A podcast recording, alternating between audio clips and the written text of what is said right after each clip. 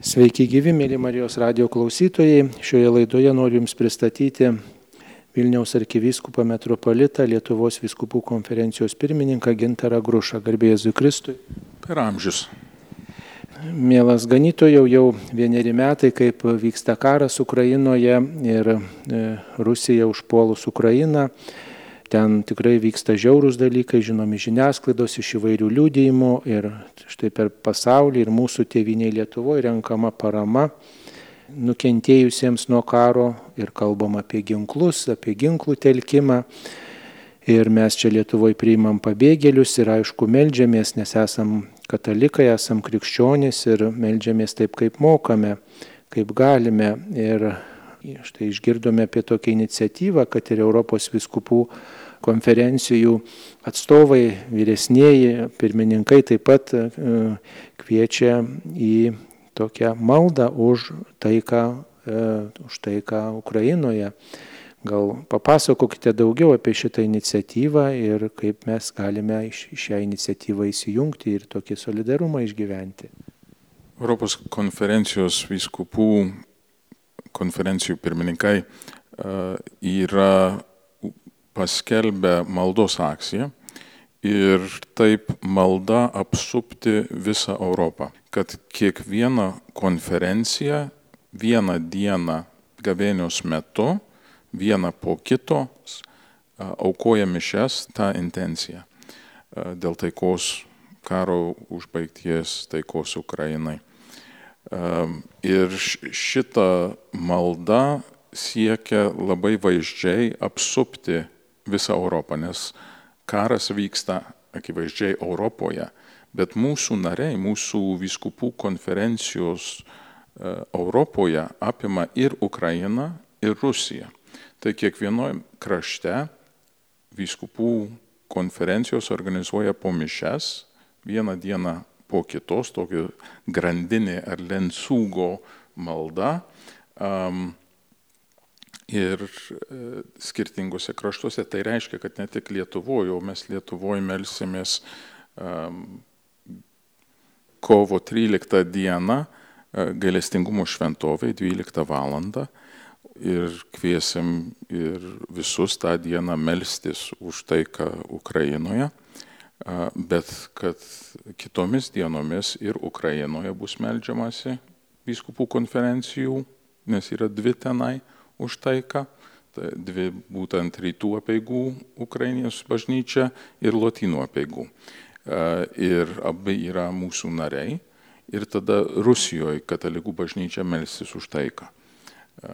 Tai šitą iniciatyvą taip labai vaizdžiai parodo, kaip Europa kartu stojasi maldai prieš viešpatį, prašant tos taikos Ukrainoje ir karo pabaigos. Nuo pat karo pradžios žmonės meldžiasi už taiką, meldžiasi už tuos kariaujančius žmonės, meldžiasi, kad tas neteisingas karas, ta, ta, tie žiaurumai baigtųsi. Ir štai jau vieneri metai, kaip, kaip žmonės kariauja ir kaip žmonės tikrai meldžiasi. Ir kartais galbūt kyla toks ir nusivylimas, malda nusivylimas, kodėl Dievas neįsikiša į, į, į tą karo procesą ir nesustabdo tokio brolžudiško karo. Kaip galėtume atsakyti tiem žmonėms, kurie kaip gal ir skeptiškai atsiliepia apie, apie maldą, apie tos maldos e, galę, poveikį? Turim prisipažinti, kad e, bendrai melžiamės tikrai per mažai reikia tos maldos ir reikia jos, kad, kad įveiktumėm, e, galim ir bažnyčios mokymė, bet įvairios Marijos apsireiškimuose irgi pastoviai kartoja, melskitės, melskitės, melskitės. Jei pasižiūrime į mūsų visuomenę. E, ir yra grupė žmonių, kur tikrai nuoširdžiai ir daug melžiasi, bet tai dar vis neperkeičia mūsų visuomenės. Mes, mes turim ir tą evangelizacinę maldą, e, bandyti įtraukti ir, ir visus tikinčiuosius į tą maldą, e, prašant taikos pasaulyje, prašant taip pat ir atsivertimo. E, viena iš maldų ir iš Fatimos apsireiškimo yra melstis dėl Rusijos atsivertimo. Akivaizdžiai, jei būtumėm prieš šimtą metų intensyviai tą maldą meldėmės, nu, tikimės, kad, kad būtų istorija kitokia. Ta pačios vizijos Faustinos apie, nu, meldžiam gailestingumo, todėl kad mums jo reikia. Šitos karų, karai dažnai irgi yra pasiekmės žmogaus nuodėmės, žmogaus nuodėmingumo. Nu, pirmas, jei brolžudišką terminą naudojam, tai Kainas ir Abelis pradžios knygoje. Ir tas iškilo todėl, kad vienas brolis pavydėjo kitam. Mūsų visuomenė yra pilna nuodėmės, nuodėmių.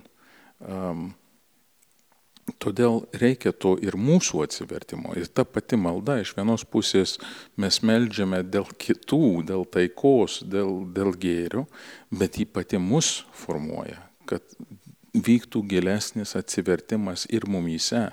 Mes kiekvienų mišių pradžioje prašome nuodėmių atleidimo, prisipažindami, kad mes esam nusidėlę.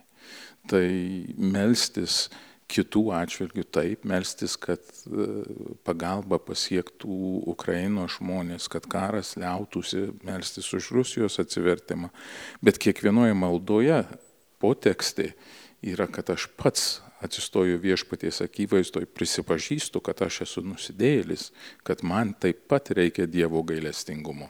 Ir tada dedu visas pastangas padėti ir kitiems bet tai yra nuodėmės pasiekmė mūsų pasaulyje ir jei žiūrim ir į savo visuomenę šiandien, mes apščiai matom, kiek nuodėmės yra įtakoja mūsų tarp asmeninius santykius, bet ir viso mūsų visuomeninį gyvenimą.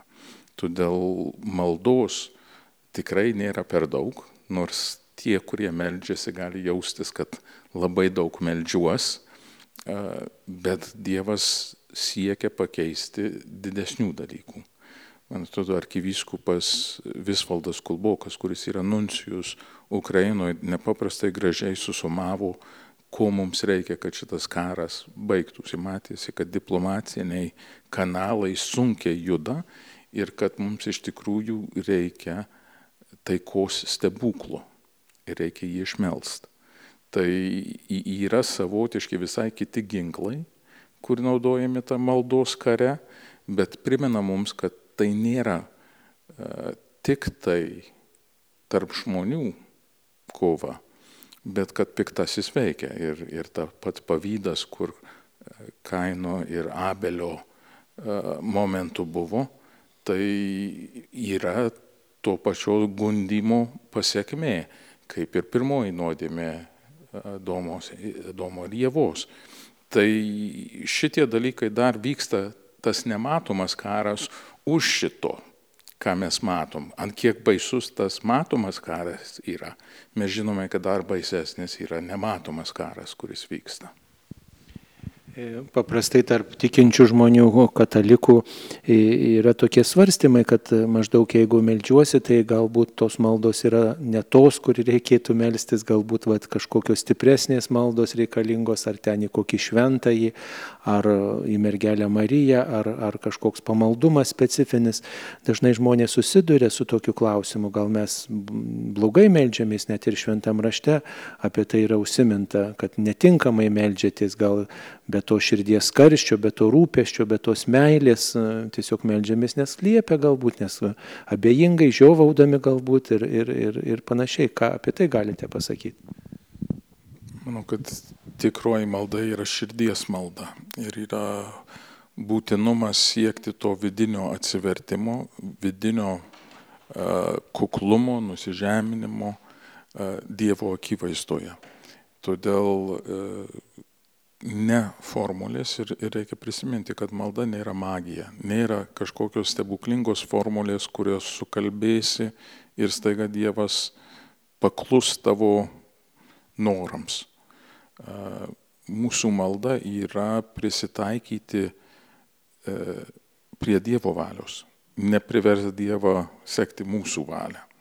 Tai tas atsidavimas į Dievo rankas, E, tas atsistojimas jo akivaizdoje, net ir žovaujant, gali būti labai tikras, realus, net ir senos istorijos, kaip vienuolis senas užmigdavo per maldas. Ir jaunas vienuolis jam pradėjo priekaištauti, kaip tu gali miegoti, kai reikia melstis ir labai uolus ir, ir užsidegęs jaunuolis tas sako, negali uždrausti seno šuns užmėgti prie savo šeimininkų kojų. E, yra tas santykis, į kurį mes esame kviečiami. Tai taip, yra tų galimų būdų siekti užtarimų, yra įvairių maldos formų, bet esmė, pats centras visų tų yra sugebėjimas būti Dievo akivaizdoje nuolankiai ir pavesti save ir visą pasaulį Dievo valiai. Dievo valia mums yra žinoma tiek per šventą raštą, per apreiškimą. Ir, ir jei žiūrim vėl į Marijos įvairius apreiškimus, įkartoja tuos pačius dalykus. Ta, tiesie tavo valia, ta iš tėvė mūsų maldos leisti Dievui veikti, dirbti mūsų gyvenime. Ir tas iš tikrųjų padės mums priimti Dievo valią, kokia jinai yra, bet ir prisidėti prie Dievo valios įgyvendinimo pasaulyje. Nu, daug kalbėjote apie Dievo valią ir tiesiog ją turbūt sunkiausiai išvelgti tomis karo aplinkybėmis, kai žūsta žmonės, kai žūsta vaikai, kai daug tokios smurto, prievartos ir atrodo, o ką Dievas nori pasakyti per tuos įvykius? ar tai tiesiog tokia leista Dievo valia, Dievo kalbėjimas, toks leistas, e, kaip sakyti, Dievui pažįstamas tas, ta, ta, tas visas žiaurumas, bet tik tai galbūt tokia kalba, e, kaip sakyti, atrakina žmonių širdis, kitaip žmonės gal neišgirstų, nesuprastų beprotybės, ar taip galima, pavyzdžiui, karo šitą ženklą perskaityti. Manau, kad taip, bet ne tik karo ženklą. Čia klausimas, kodėl Dievas leidžia blogį vykti pasaulyje, bet yra ir natūralių. Matėm žemės drebėjimą Turkijoje ir Sirijoje, koks buvo įvykęs, matėm ir tuos žiaurumus, kurios yra, kurios yra karo laukia Ukrainoje. Vis dėlto Dievo galybė yra didesnė už, už tuos. E, daugumas tų nelaimių yra iš tikrųjų nuodėmės pasiekmės. E, atveria mūsų akis e, į tą žiaurumą, kur nuodėmės atneša į pasaulį. Ir kažkiek gal net ir padeda mums suprasti pragaro žiaurumą kariai dažnai po mūšio jaučiasi, kad buvo pragare. Taip, dalinai galima į taip žiūrėti, todėl kad tai yra pasiekmė tarp asmeninių santykių atsiverimas nuodėmiai, kur gal ir tiesioginės ryšio neturi su to žiaurumu, bet daveda prie jo. Um, kitas dalykas, kur, mums atveria tas žiaurumas ir atveria mūsų pačių gailestingumą. Jūs minėjot pradžioje, kiek dabar pinigų buvo surinkta Lietuvoje, karito ir kitų padėti Ukrainos žmonėms. Kiek žmonių prieėmė pabėgėlius. Tai yra įrankis, kuris padeda mums tapti geresniais. Tai yra įrankis, kur perkeičia mūsų širdis.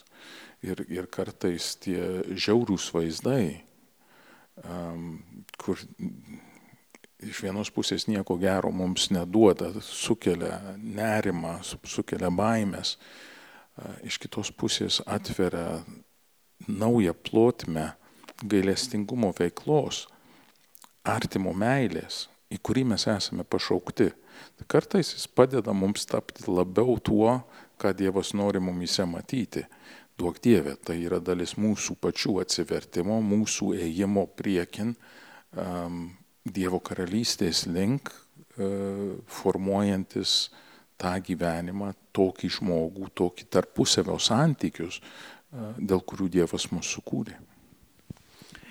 E, mėly Marijos radio klausytojai, kalbame su Lietuvos viskubų konferencijos pirmininku Vilniaus arkivyskupu metropolitu Gintaru Grušu apie kvietimą į maldą, kaip tik tai Lietuvos e, viskupai kovo 13-ąją gailestingumo šventovėje štai skiria maldai tą dieną nuo Lietuvos kaip dovana Ukrainai ir prašo taikos ir kviečia visus įsijungti.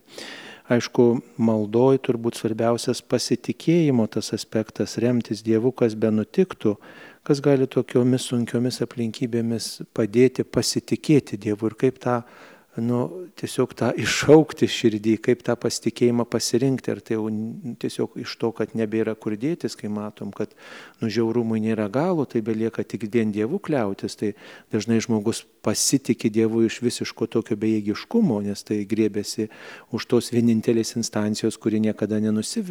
kuri niekada neapgauna. Bet galbūt yra ir kitas tas pasitikėjimo ūkdymo kažkoks mechanizmas ar, ar, ar būdas rinktis pasitikėjimą tokiom aplinkybėm. Manau, kad tas pasitikėjimas, kaip ir sakot, kai, kai nėra kitos išeities, tai ir, ir ieškai Dievo, ieškai pagalbos.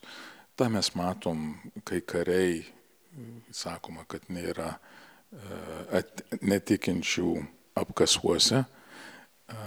Ta matom mes dažnai ir lygos patale, kai žmogus jau jaučia savo žmogišką trapumą, neturi kur gauti pagalbos ir, ir tada kreipiasi ten, kur iš tikrųjų turėjo iš pat pradžių kreiptis.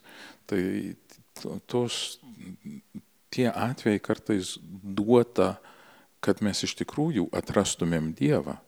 Ir, ir tai yra, nu, kartais kelias į amžinybę. Galvoju apie žmonės, kur pateko į mirties patalą, mato, kad neturi kitos išeities ir nors ir visą gyvenimą daug dėmesio nekreipia Dievui, staiga supranta, kad čia yra kur pagalba yra, čia yra kur kelias ir yra gražių istorijų atsivertimo, tokiuose momentuose, kad žmogus keičia gyvenimą, kartais miršta, kartais atsigauna, būna visaip, bet yra tas kelias į atsivertimą. Ir, ir šitos situacijos kartais ir panaudojamos išprovokuoti mumyse tą tikėjimo aktą, kad turėtumėm už ko, kad galėtumėm atrasti viešpatį mūsų gyvenime ir amžinybėje.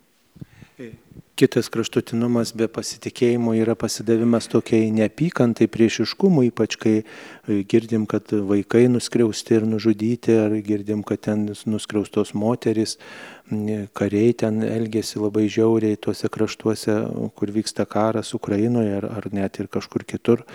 Tai yra tas pavojus mums krikščionėms e, šauktis keršto, auginti tą neapykantos libiną, ypač tiems, kurie yra atsakingi už to karo pradėjimą ir už vat, eigą visą, kaip nepasiduoti tai neapykantai ir priešiškumui e, mums, kurie stebim karą iš tolo ir, ką žino, galbūt gali ir taip atsitikti, kad ir mes atsidursim karo kažkokioj zonoje.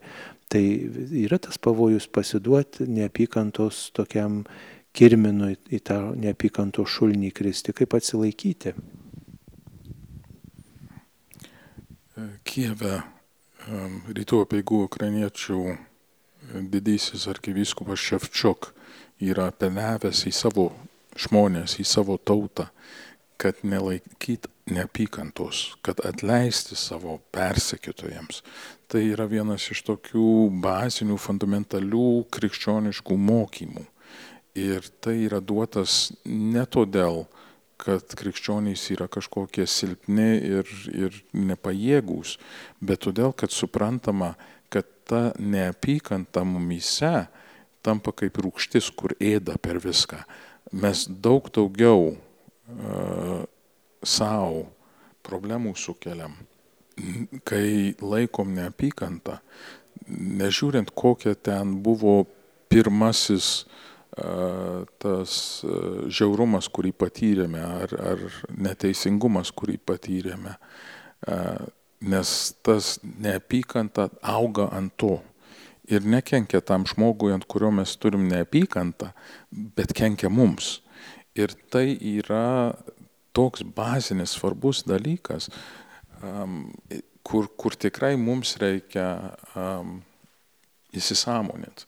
Mes, mes turim tą ir savo visuomenį, nereikia žiūrėti į, tik į, į karo lauką šitą patirti, kiek žmonių nepatenkinti su valdžia, su politikais, su savo viršininkais darbe. Um, bet labai svarbu įsisamoninti tą, kad neapykanta net kitam kenkia, o mums patiems. Ir tai yra viena iš tokių mokymų, kur Kristus davė kur jau ne akis už akį, o atleiskti kitam. Ir toj pačioj e, Jėzaus maldoje atleisk mums mūsų kaltes, kaip ir mes atleidžiam savo kaltininkams, yra saliginai, todėl kad taip yra svarbu mūsų ir dvasiniam gyvenimui, bet dar manau, kad ir mūsų psichologiniam, sakykime, ir tas persiduoda labai dažnai į kūną. Tai žmogus, kur laiko neapykantą savyje, galima sakyti, išėda save. Um, ir savo tiek kenkia, net kartais daugiau negu tas kitas pirmas žmogus tau padarė blogo. Tai labai džiaugiausi, kaip, kaip mačiau, kaip arkivyskovas Ševčiuk jau karo metu sugebėjo savo aveles, savo uh, Dievo tautos daliai uh, mokyti šitą fundamentinę uh, klausimą. Žmonės dirba su psichologais ir, ir po karo efektais, ten yra tų žaizdų, jos yra tikros žaizdos, bet nereikia dauginti tų žaizdų, laikant tą neapykantą savo širdyje. Ir, todėl tas atleidimas net savo priešui tampa toks svarbus dalykas mums visiems. Na, tas atleidimas turbūt ilgas darbas, kartais visą gyvenimą gali užtrukti ir kartais gali per anksti tas klausimas kyla, bet jis, nu, kažkur visada šmėžuoja kalbėjot apie žaizdas, akivaizdu, kad per karą ne tik tai fizinės žaizdos būna žmonių kūnuose, bet ir psichologinės ir dvasinės žaizdos. Kaip mums čia, nu, vat, net ir toliau galbūt nuo to karo zonos Mm, saugoti save, sakyčiau, galbūt nuo tų žaizdų, kaip pasiruošti atsilaikyti, jeigu kažkaip būsim sužeisti ir kartu kaip galbūt atsilaikyti tiem žmonėms, kurie įvairiais būdais gal ir nuvyksta į Ukrainą ir, ir galų gale nuveža ir paramą, ir gal turi draugų kažkokių ir labai arti prie tų karo žaizdų prisiliečia, kaip pat atsilaikyti ir, ir, ir neusikrėsti tom karo žaizdom, kad kuo stipresni būtume. Nu, tai pagrindinis priešnuodis tai yra malda. Ir melstis už tuos žmonės, kur yra nukentėję, yra lengviausiai, nes mes juos tikrai užjaučiam. Ir tą paramą vežam ir, ir suprantam, gal labiau negu kai kurios kitos tautos, kokią kryžių jie dabar neša. Bet, kaip minėjau anksčiau, turbūt viena iš svarbiausių maldų ir yra verstis už agresoriaus atsivertimą. Geriausias būdas nugalėti priešą yra padaryti, kad jis nebet būtų tavo priešas. Ir tai nėra jį prikalt prie sienos, bet kad jis atsiverstų, suprastų savo klaidą ir taisytų savo gyvenimo kelią. Tai yra tarp tautų, bet tai yra ir tarp mūsų asmeninių santykių. Jei tu gali kitam žmogui, kur jauti nuoskaudas nuo jo, e, išmelsti, kad jis atsiverstų, kad jis matytų teisingą gyvenimo kelią, teisingą kryptį ir pataisytų savo gyvenimą. Jis tada jau nebėra tas agresorius ar, ar blogietis, um, bet tam tikrai reikia maldos ir kartais reikia ir santykių taisymo darbo. Um, ir, ir nors ir nelengvas kelias, bet pagrindas to viso yra malda, e, kuris perkeičia ir kitą, ir, kaip pasakiau anksčiau, ir mūsų, mūsų širdis. Paprastai tokie žiaurūs įvykiai e, kažkaip padovanoja mums tokį ir neigiamą Dievo įvaizdį, kad dažnai žmonės, kai išgyvena kažką skausmingo, sako, Dievas baudžia. Tai, reiškia, vykstant karui ateina tokia mintis, kad tarsi gal ir stiprėja žmonių sąmonė, žmonių tikėjime toks baudžiančio Dievo įvaizdis. Čia irgi turbūt būtų aklygatvis, kai, kai sakytume, Ukraina Dievas baudžia, Rusija Dievas baudžia, gal Lietuva nubaus va Dievas ar ten kokį kitą kraštą baudžia, kad va, leidžia vykti karui. Ir, ir mes nesuprantam tada, koks tas tikrasis Dievas yra, ką apie tai galime daugiau pasakyti. Man atrodo, kad mes čia galim pažiūrėti pro tėvo įvaizdį. Ir uh, yra tų momentų, kai tėvas baudžia savo vaikus, bet dažniausiai daro to iš meilės, nes nori, kad jie pasitaisytų, kad nedarytų tų klaidų, kad kiltų. Tai tas aspektas taip e, gali būti, e, kad tai yra įrankis mūsų tobulėjimui. E, iš kitos pusės mes neturim pilno vaizdo. Ir čia um, labai sunku spręsti, ar tai yra bausmė ar būdas įveikti kitą kliūtį, kur mums yra padovanota, mums nežinant, kad tai ilgainiui veda į gerą. Tai yra ta sena istorija, kur žmogus e, ten e, turėjo arklį, sunus nukrito, susilaužė koją, visi jį guodžia, ar tai gerai ar blogai, nežinau, pagyvensiu, pamatysiu, sūnus susilaužyta koja, nepaimtas į kariuomenę, kai visi atėjo, ar tai gerai ar blogai, pagyvensim, pamatysim. Ir ta istorija tęsiasi toliau. Bet iš vieno įvykio labai sunku spręsti apie pilną paveikslą. Ir mes jo neturim. Dievas tą paveikslą turi. Jei ilgainiui šitie karai, šitos nelaimės veda į kažkokį pasaulio atsivertimą. Gali būti, kad tai buvo labai gerai, nors aukos, kai mes matom, yra sunku, sunku vertinti. Um, tai čia yra pasitikėjimas Dievo vaizdą, uh, kad vis dėlto vienintelis, kuris mato viską, tai yra pats Dievas.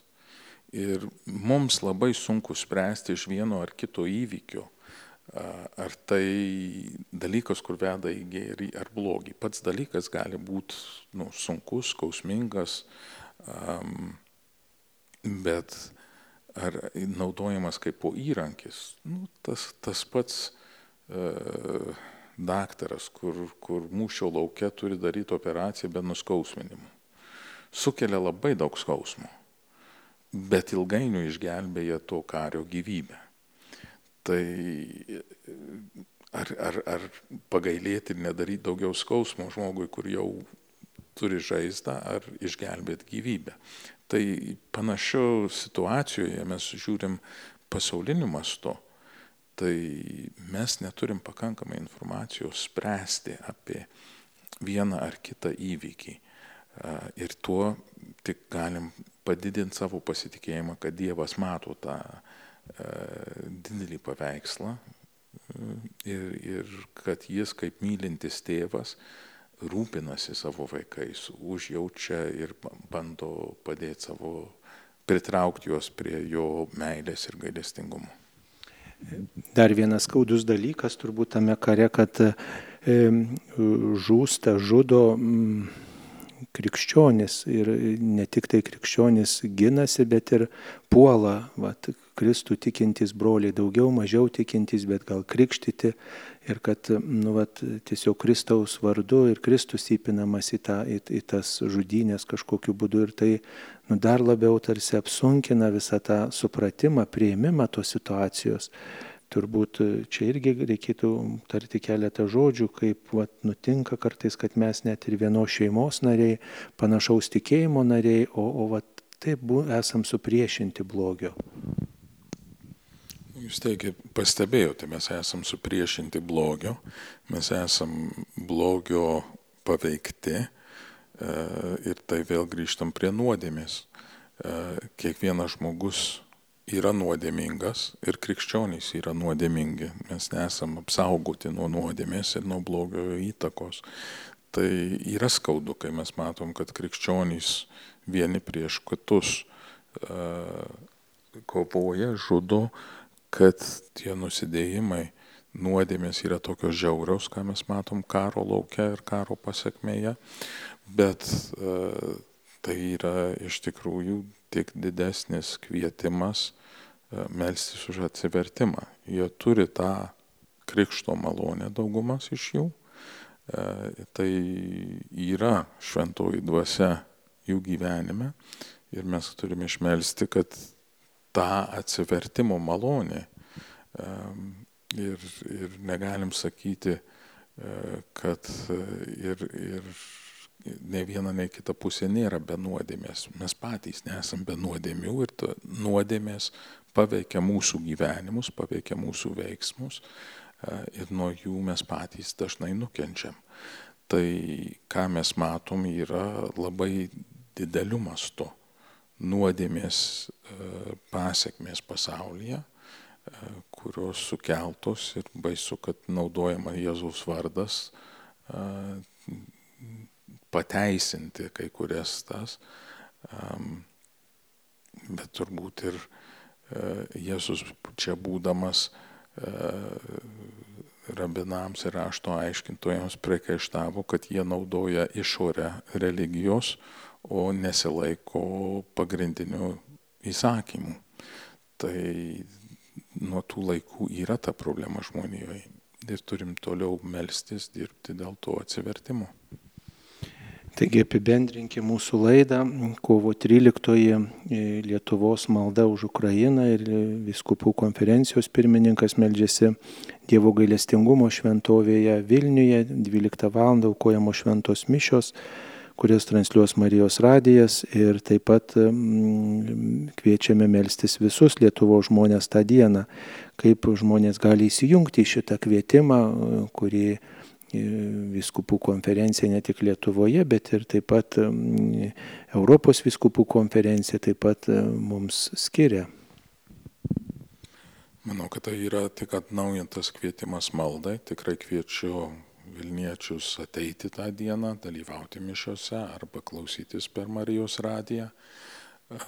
Bet toliau nenuleisti rankų, toliau melstis už taiką Ukrainoje, pasaulyje melstis už tuos pabėgėlius tiek pačioje Ukrainoje, tiek už jos ribų, kad atsirastų taika ir žmonės galėtų sugrįžti į savo tėvynę, į savo namus, atstatyti juos, bet kad, kad įsitvirtintų taika pasaulyje. Na tai kviečiame melstis rožinio maldą nuo širdžiai. Marijos radijas transliuoja rožinio maldą keletą kartų per dieną. Galim ir privačiai melstis rožinio maldą, ypatingai kreipdamiesi į Mariją kaip taikos karalienę, juk Marijos globa nekarta sustabdė karus ir Marija mums tikrai labai svarbus, brangus žmogus, mus vedantis prie Jėzaus. Mėly Marijos radio klausytojai, šioje laidoje jums kalbėjo Lietuvos vyskupų konferencijos pirmininkas Vilniaus arkivyskupas metropolitas Gintaras Grušas, įkalbinau aš, kunigas Saulis Bužauskas, paskirtas e, vyskupu ir linkiu visiems taikos, e, bendrystės ir gėrio, kad statytume tiltus vieni tarp kitų. Ačiū sudė. Su Dievu.